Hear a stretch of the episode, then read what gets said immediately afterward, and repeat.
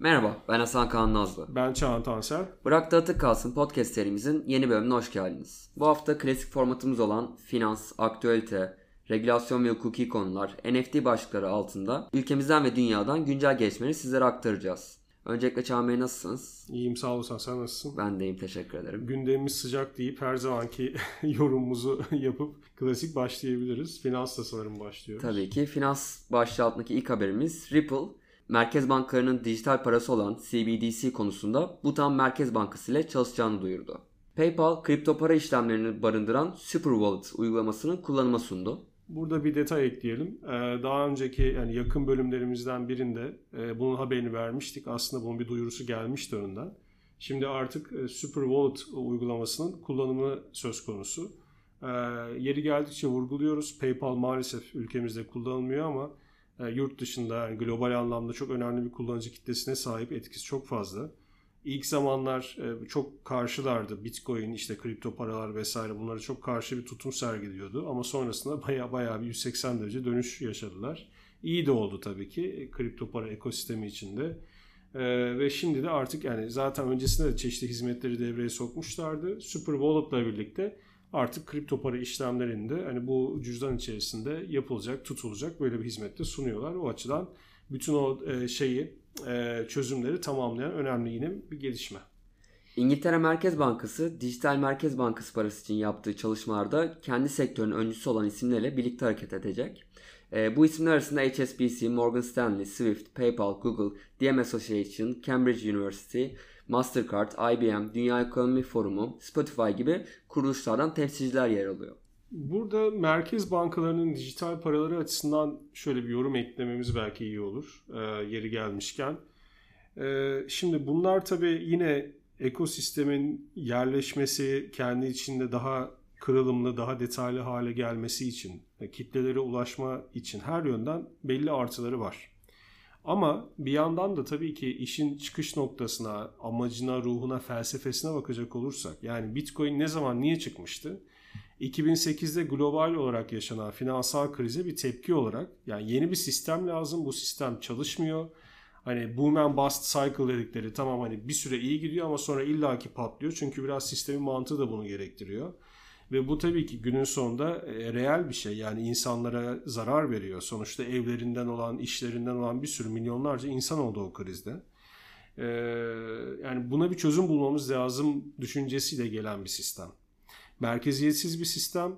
Merkeziyetsiz olmasının zaten çeşitli hani avantajları getirdikleri var. Birincisi işte aradaki o hani güven ilişkisini yaratan bankalar gibi ya da merkez bankaları gibi şeyleri aslında bypass etmesi, onları devre dışına çıkarması e, tamamen bir alıcı satıcı ya da gönderen alan gibi düşünecek olursak sadece bu taraflar arasında güvenli bir işlemin sağlanması bunlar çok önemli. E bir de tabii ki kayıt yani dağıtık defter teknolojisi sayesinde o kayıtların geri döndürülemez, tarif edilemez şekilde oluşturulması ve bu anlamda da yine bir kayıt teknolojisi bir güven sağlaması gibi unsurları sağlıyor. Şimdi e, yani bu arka planı göz önünde bulundurmak, unutmamak çok önemli. Çünkü güncel olarak şu tartışmalara sebep veriyor. E tamam hani merkez bankaları bunlar çıkaracak. Bazıları dijital, bazıları daha kripto para diyebileceğimiz hani altyapıya sahip. Ama bu Merkez Bankası paraları günün sonunda aslında bütün işte bu amacı, ruhu öldüren nitelikte. Bu gerçek anlamda bir kripto para değil ya da hani blockchain mantığına da o anlamda aykırı. E, dolayısıyla e, yani olmaması gerekir diye bir güncel bir tartışma da var. E, bir taraftan da düşündüğümüz zaman hani olmaması gerekir ayrı bir konu ama e, yeni gelişen teknolojilerin e, hükümetlerin, devletlerin diyelim aslında devlet yani hükümet gelir geçer ama tabii devlet kalıcı. E, devletlerin kendi çıkarlarına uygun bir şekilde dönüştürülmesi, o şekilde geleneksel sisteme entegre edilmesi aslında hep yaşanan şeydir. Yani bu sadece blockchain'e, kripto paraya vesaire özgü bir şey değil. Bu olacaktı demek istiyorum. Yani bu kaçınılmazdı zaten. E, bu teknolojileri e, olduğu gibi kendileri alıp sindirecek ve adapte edecekti. Bu yaşanıyor. E, dolayısıyla çok belki farklı iyi niyetlerle çok daha özgürleştirme anlamında ve geleneksel sistemi biraz daha dönüştürme anlamında çıkan şeyler aslında geleneksel sistemin elini çok daha kuvvetlendiren e, ve belki hani e, bireylere yönelik daha farklı onların aleyhine uygulamalar geliştiren bir hale de gelebilir. Çünkü şöyle düşünün, e, bu e, paralar kullanmaya başlandığı zaman e, zaten sizin bütün bir birey olarak yaptığınız bütün parasal işlemler de çok daha rahat izlenebilecek. Ha bugünün dünyasından çok farklı mı? Yani bugün şunu tabii ki diyebilirsiniz. E, biz zaten esasen daha çok artık kredi kartı herkes kullanıyor. Dijital paralar söz konusu. işlemler dijital yapılıyor. Çoğumuz bankaya bile gitmez olduk şubelere. Böyle bir dünyada zaten benim her şeyim kayıt altında. Ne fark edecek? Varsın olsun. Hani o da kripto para ya da işte dijital parayla olsun. Denebilir. Evet ama bunun üstüne eklenen tabii farklı detaylar da var. Yani yine de e, sizin e, her türlü alışveriş ve her türlü para detayınız yani özel şirketlerle olan ya da başka işte şahıslarla olan şeyler de çok daha detaylı bir şekilde aslında anlık olarak takip edilecek. Yani kendi içinde farklı derinlikleri olan e, tartışmaları olan bir konu. Şimdi burada dağıtmayalım ama e, hazır böyle merkez bankalarından da bahsederken bu konunun nereye gidebileceğini, neden önemli olduğunu da şöyle bir hatırlatmış olalım arada. Böyle sadece çünkü dümdüz haber vermek gibi amacımız yok tabii ki. Ee, önemli bir konu. Sonraki bölümlerimizde de belki değiniriz deyip devam edelim kaldığımız yerden. İsviçre'nin finans piyasalarını denetleyen FINMA, ağırlıklı olarak kripto paralara yatırım yapacak bir fona ilk kez onay verdi. Crypto Market Index Fund adlı yatırım fonu ağırlıklı olarak İsviçre yasalarınca kripto varlık olarak sayılan varlıklara yer verecek. Bu da çok önemli bir haber. Burada da şöyle bir yorumumuz olsun. Şimdi e, İsviçre zaten e, blockchain regülasyonları hani kripto varlıklarla ilgili regülasyonlar konusunda epey e, detaylı çalışmalar yapmış. Bunları çıkarmış bir ülke. Bu tip haberlerin daha da artmasını zaten artık bekliyoruz. Çünkü o hani momentum başladı zaten yakalandı orada. E, ben şu açıdan yaklaşmak istiyorum. Şimdi çok değil bir hafta belki en fazla 10 gün öncesinde e, Christine Lagarde'ın bir açıklaması vardı kripto paralarla ilgili. İşte kripto paralar efendim para değildir. E, hiçbir zaman bu şekilde olmayacak, yerleşmeyecek. Çok spekülatif asetler bunlar, varlıklar. Dolayısıyla böyle olmaları mümkün değil. Çok fazla işte şöyle açığı var, böyle açığı var gibi. Aslında az çok hep bildiğimiz, duyduğumuz şeyler bunlar. Şimdi bu haberle bu açıklamayı mesela bu bakış açısını şöyle bir yan yana koyduğumuz zaman aslında ne kadar çatıştığını görüyoruz ve bazı yani bu emin olun herkes bu kadar da detaylara, felsefesine, amacına hakim değil bu işin. Yani ister Dünya Bankası Başkanı olsun, IMF Başkanı olsun, bilmem Amerikan işte hazinesinden bir üst düzey yetkili olsun vesaire çok fark etmiyor. Herkes gerçekten bu kadar vakıf değil. Ee, bazıları başka gündemlerle, başka motivasyonlarla bu tip yorumlar yapıyor olabilir ama herkes böyle yapmıyor. Tabii Christine Lagarde bilemem ne kadar hakim olup olmadığını ama şunu söyleyebiliriz. Yani yaptığı açıklamayla bu zaten çok ciddi bir şekilde eh, uyuşmuyor. Çok net bir şekilde görülüyor. Çünkü öyle olsa yani bunlar yatırım yapılamayacak asetler, varlıklar olsa veya yarın bir gün bunlar hiçbir şekilde para yerine geçemeyecek şeyler olsa emin olun hani şu tip şeyler haberleri hiç görmeyiz bile doğru düzgün. Yani burada çok ciddi bir regülasyon altyapısı olan bir konudan bahsediyoruz Üstüne İsviçre'de diyor ki hani kripto varlıklar üzerine artık bir fon kurulabilecek. Buna resmi yönden izin verilmiş durumda. Burada hani bildiğimiz fonlardan bahsediyoruz. Bu böyle şey değil. Yani hani e, işin böyle bir daha e, şaka diyelim böyle bir tarafı yok. Bu ciddi bir şey. Bunun üstünden insanlar yatırım yapacak, gelir elde edecek ve buna verilen resmi izinler söz konusu. E, dolayısıyla hani burada aslında yeni bir finans sisteminden bahsediyoruz. Bu adım adım kuruluyor. Gittikçe bu yapı daha detaylı hale geliyor. İsviçre'nin özellikle burada bayrağı devralması hani geleneksel sistemin kalesi olan diyelim. Ülkenin yani Amerika'yı İngiltere'yi bir tarafa zaten koyuyoruz ama İsviçre'nin apayrı bir yeri var. Ee, burada finansal sistemde bu bayrağı alıp kendisinin aslında yine öne atılarak devam ettirmesi de çok önemli bir konu. O gözle de bakmış olalım. Nijerya Merkez Bankası, Merkez Bankası dijital para birimi olan e-Nira için web sitesi oluşturdu. ABD'nin en büyük 5. bankası olan US Bank, kurumsal yatırım yöneticilerine kripto paralar için saklama hizmeti vermeye başladı. QNB web sitesinde yayınladığı habere göre Türkiye'de QNB Finans Bank ile Ripple ağını deneyecek. Ripple ağında Akbank vardı Türkiye'den. Ee, şimdi Finans Bank da denemelere başladığını duyurmuş tahmin ediyorum 2-3 yıllık zaman içerisinde Türkiye'den de bu katılan banka sayısı ciddi bir artış gösterecektir. Fransa'nın çok uluslu bankacılık kurumu Societe Generale, MakerDAO'nun borç platformunda sabit coin dayı borcu için bankanın zincir üstü tahvil tokenlarının teminat olarak kabul edilmesi için bir başvuruda bulundu. Bunu biraz açalım. Ee, bir hani girişi yapmış olduk aslında ama tabii cümleyi biraz böl, bölmemiz lazım, ayırmamız lazım. Şimdi şöyle, çünkü MakerDAO'yu bilmeyen, aşina olmayan dinleyicilerimiz elbette olabilir. Bu nedir diye. Şimdi MakerDAO bir merkeziyetsiz platform, bir merkeziyetsiz finans tarafı da var diyelim. Hani nasıl klasik anlamda e, bankadan siz gider kredi alırsınız. Burada da bir kredi sistemi var. E, Tether ya da Binance USD gibi ya da USDC yani USD coin gibi stable coinler var bu ekosistemde. Bunlar belli arkalarında belli firmaların çıkardığı aslında merkeziyetsiz değil yani tam tersine merkezi olan stable coinler. Ancak bu MakerDAO platformunun da e, merkeziyetsiz bir şekilde çıkardığı, ürettiği DAI isimli bir stable coin'i var. Şimdi bu şöyle çalışıyor bu sistem. E, siz diyelim ki e, 100 dolar değerinde e, DAI kredi almak istiyorsunuz, borç almak istiyorsunuz bu sistemden. Bunun için hani 1'e 1,5 oranı var aslında minimum. Yani 100 diyelim ki elinizde belli e, türde şeyler var, coinler var. Yani her şey izin vermiyor sistem. İşte BTC var diyelim, Bitcoin var diyelim. 150 dolar değerinde Bitcoin koyuyorsunuz yani stake ediyorsunuz orada sabitliyorsunuz sistemde kilitleniyor bu. 100 dolar değerinde size dayı veriyor sistem. İşte belli bir vade belli bir süre için. O süre içerisinde e, siz o 100 dolar değerindeki dayıyı tekrar getirip yerine koyarsanız o 150 dolarlık bitcoin'inizi zaten geri alıyorsunuz. Sistem onu serbest bırakıyor. Bu şekilde bir teminat sistemi var.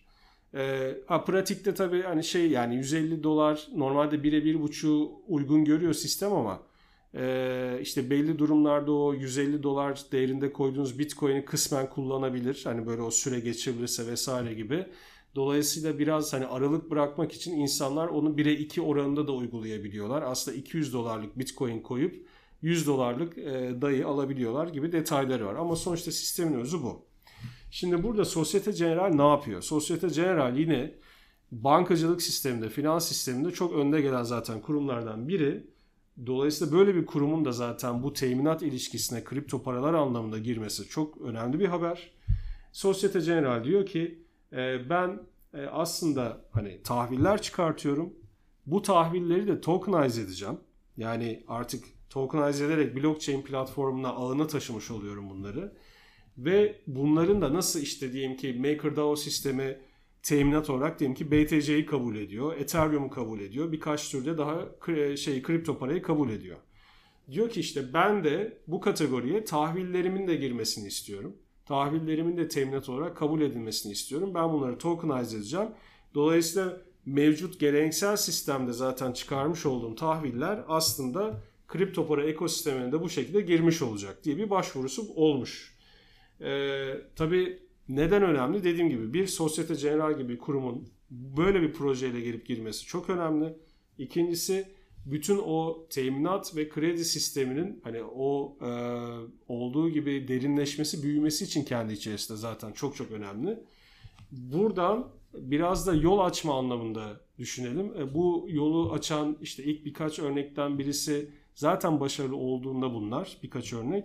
E, sonrasında diğer bankalar da gittikçe hızlı bir şekilde burayı dolduracaktır.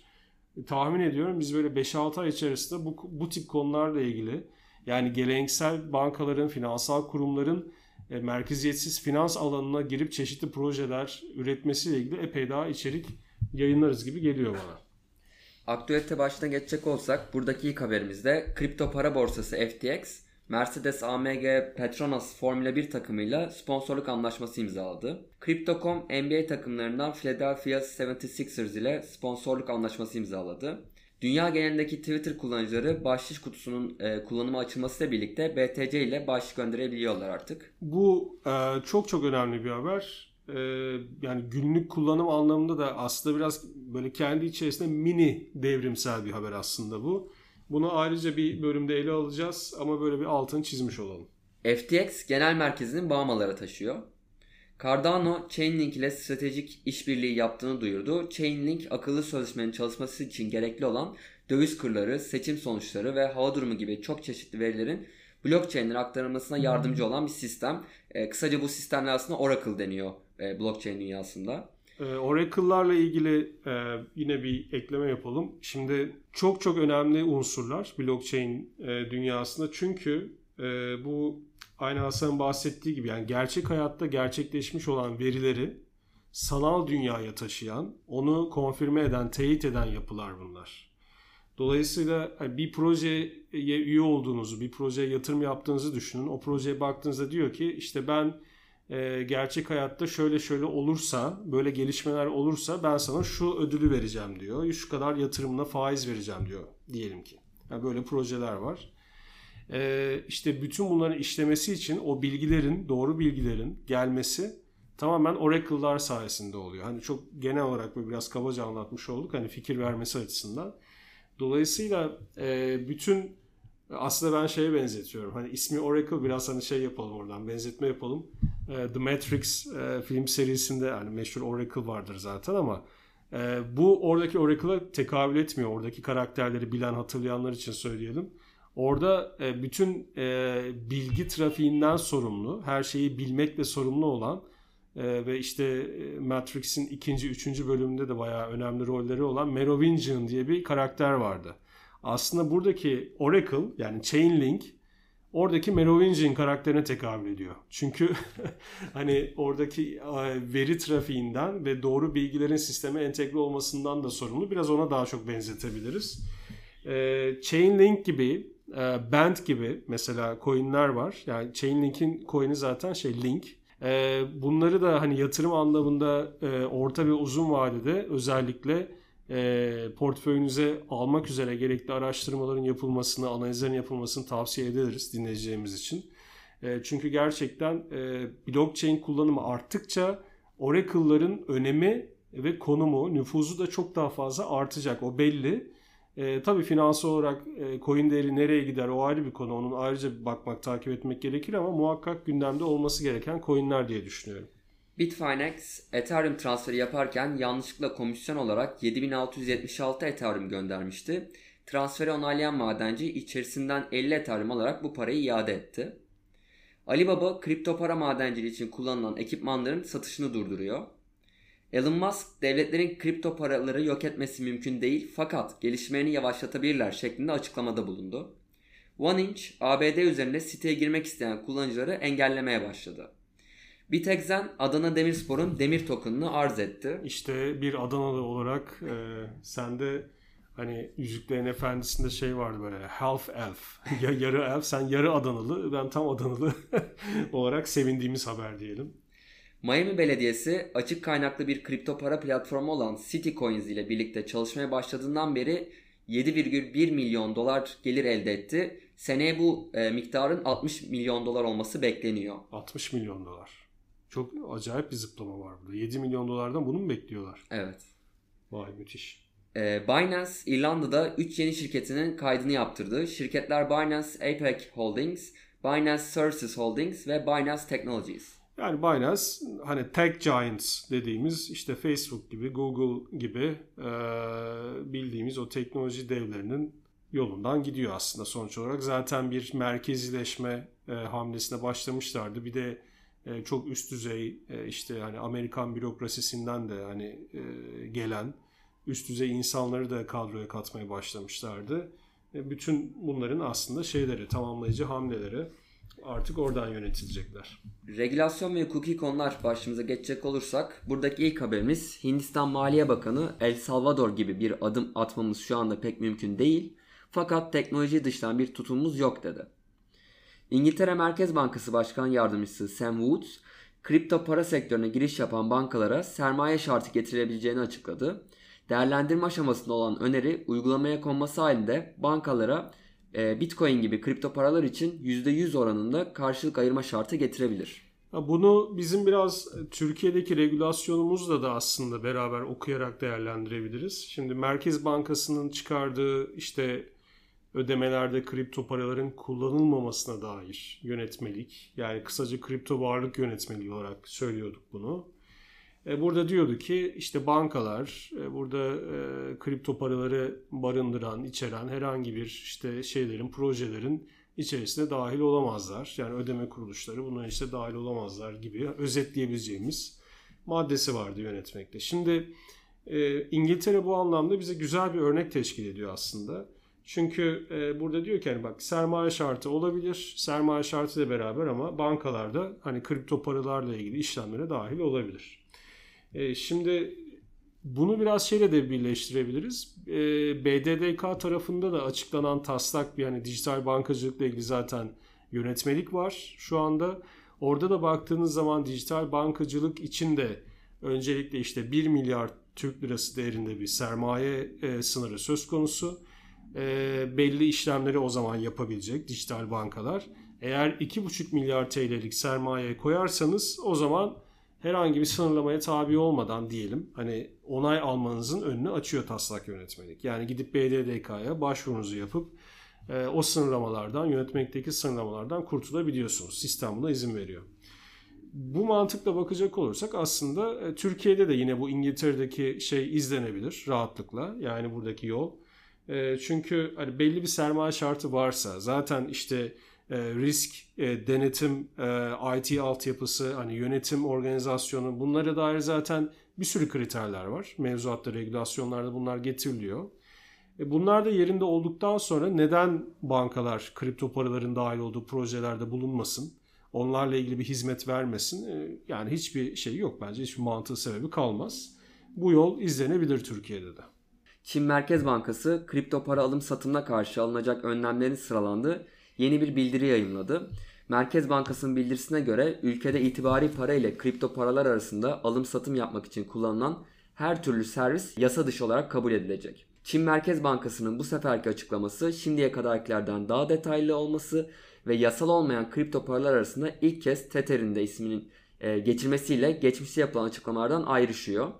Çin'de kripto paralar için borsa işletmek, aracılık yapmak, eşleştirme hizmeti sunmak, türev işlemi yapmak, faaliyet izni almadan token ve menkul kıymet ihraç etmek, fon toplamak yasa dışı sayılıyor.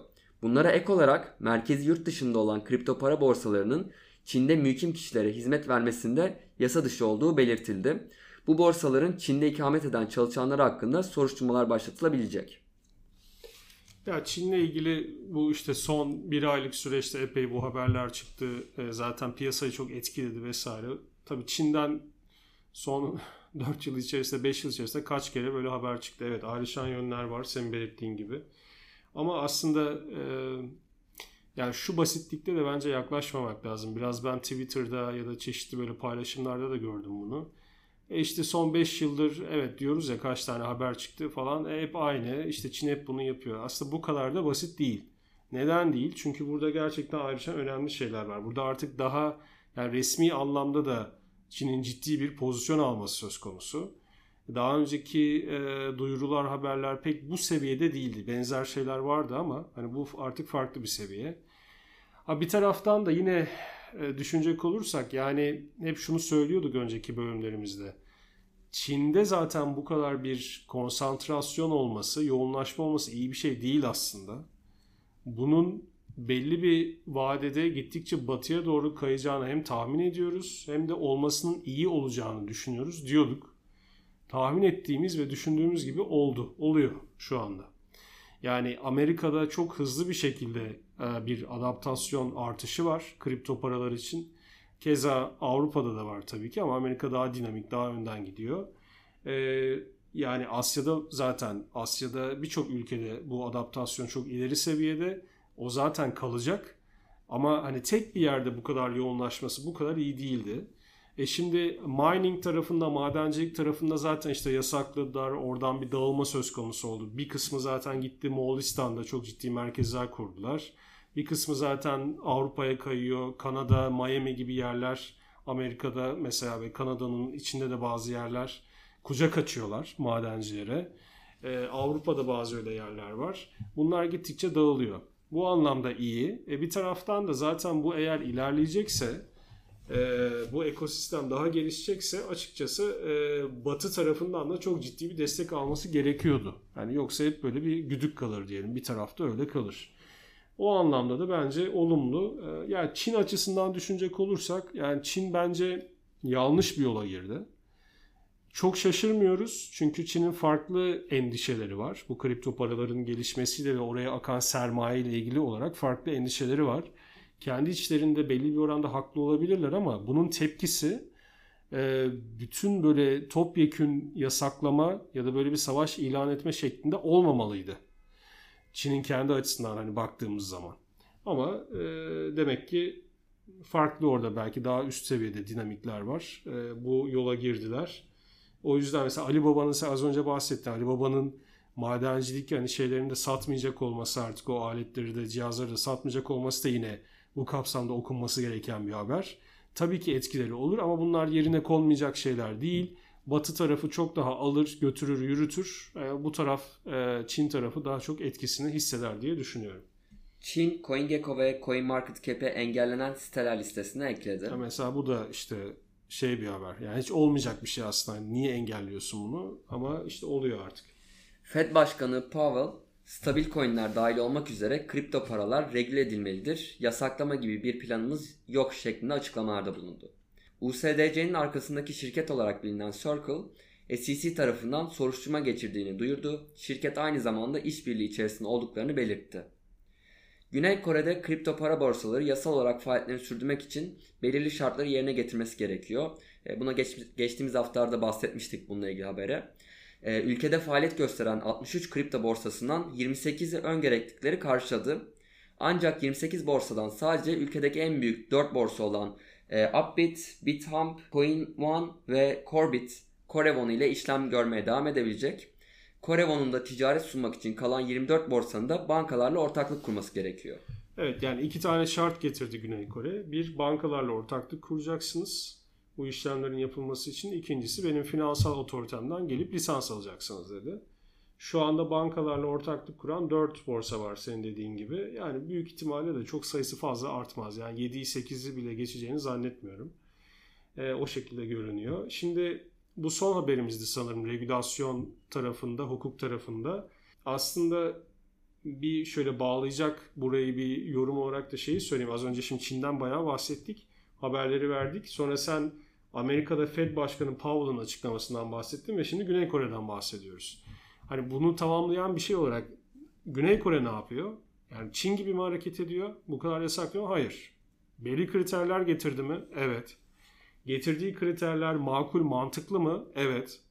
Makul, mantıklı olduğu için bütün bu ekosistemi olgunlaştırır mı, geliştirir mi? Kesinlikle evet. Başından beri de bizim hani hep böyle savunduğumuz, olması gereken şeyler budur dediğimiz bir bakışla getirilen kriterler bunlar. E Fed başkanı ne diyor? Diyor ki yani kripto paralarda diyor mu yasaklayacağız, öldüreceğiz, bitireceğiz, mücadele edeceğiz falan diye. Hayır. Kripto paralar regüle edilmelidir. Yasaklama gibi bir planımız yok diye çok rahat, serbest bir açıklama yapıyor. Dolayısıyla hani az önce Çin'le ilgili ilettiğimiz yorumların başka bir yönden aslında sağlamasını Güney Kore ve Amerika'dan gelen haberlerde kendi kendine yapmış oluyor deyip böyle bağlayabiliriz. Son başlığımız olan NFT'deki ilk haberimiz ise Time Magazine kendi koleksiyonunu oluşturarak NFT ekosistemine giriş yaptı. Ripple, Ripple Ledger'ı kullanarak NFT projeleri geliştiren ekipleri desteklemek için 250 milyon dolarlık bir fon oluşturdu. Twitter, kişilerin sahip olduğu NFT'leri profil fotoğrafı olarak kullanabilmelerini sağlayacak güncelleme üzerine çalıştığını açıkladı. Uykusuz dergisi Avalanche üzerinde NFT koleksiyonunu çıkardı. Ee, bunlar arasında ister istemez en çok Twitter'la ilgili haberi daha hani ön plana çıkarabiliriz. Şundan dolayı yani e, nasıl diyorsak ki işte geleneksel finansal kuruluşlar, büyük bankalar, JP Morgan, Societe Generale, bilmem Goldman Sachs'lar vesaire, Morgan Stanley'ler bunlardan hep bahsediyoruz bölümlerimizde. Bunların kripto paralarla ilgili işleyişi adapte etmesi, projeler çıkarması, hizmetler devreye sokması ne kadar genel kullanımı arttırmak ve olgunlaştırmak için önemliyse Twitter tek başına hepsinin toplamı kadar önemli bana göre. Yani çünkü zaten Twitter'ın bugünün dünyasındaki yeri önemi belli. Bütün haberleşme kaynağı, paylaşım kaynağı o şu anda esas. Ve Jack Dorsey'nin Twitter'ın işte kurucusunun bu kadar zaten şey olması, hani kripto dostu olması blockchain dostu olması ve buraları yakından takip etmesi, buradaki gelişmeleri Twitter'a entegre etme çabası takdire şayan. Ve bunun etki tarafına bakacak olursak da e tabi hani bu kadar büyük kullanım ki bu arada hani e, çığ gibi yine büyüyor yani kullanıcı sayısı. Yani zaten herkes kullanıyor ama sürekli yeni kullanıcılar da geliyor. Önemli bir kısmı zaten daha e, yeni jenerasyon diyebileceğimiz yaş grubu. Dolayısıyla bunların da e, işin içine girmesi, adaptasyonu, öğrenmesi ve günlük hayatta kullanması işte az önce bahsettiğimiz bahşiş özelliği vardı mesela bu kadar önemli diye altını çizdik. Yani ufak tefek şeyler gibi gelebilir ama şimdi mesela e, şeyin burada profil fotoğrafında NFT kullanılabilmesi bile farklı bir espri, farklı bir tat katıyor burada. E, NFT'lerle ilgili aşinalığı başlı başına arttıracak bir şeydir bu. E, üstüne zaten bahşiş özelliğinin gelip işte Bitcoin e, para transferinin yapılabilmesi çok önemli bir özellik. Yani bunlar gittikçe olacak ki bu arada kendi hani kuracakları ağlar üzerinde de çeşitli projeleri var. Orada entegre edecekleri ağlar üzerinde bu gittikçe yayılacak. Dolayısıyla Twitter'la ilgili haberlerde yani bu anlamda hep bu piyasayı e, yukarı doğru götürecek, e, kripto paraların da değerini olumlu anlamda etkileyecek haberler. E, ekosistemde olgunlaşmasını sağlayacak haberler aslında. Bitti sanırım bu bölümdeki notlarımız, haberlerimiz. Bu haftalık haberlerimiz bu kadar. Tamam. Ee, herhangi bir sorunuz, yorumunuz, talebiniz olursa arada yine hatırlatıyoruz. Ee, info at tansel.av.tr mail adresine iletirseniz çok memnun oluruz. Ee, zaman ayırıp bizi dinleyenler için e, çok teşekkür ediyoruz. Bizden saygılar, selamlar. Esen kalın.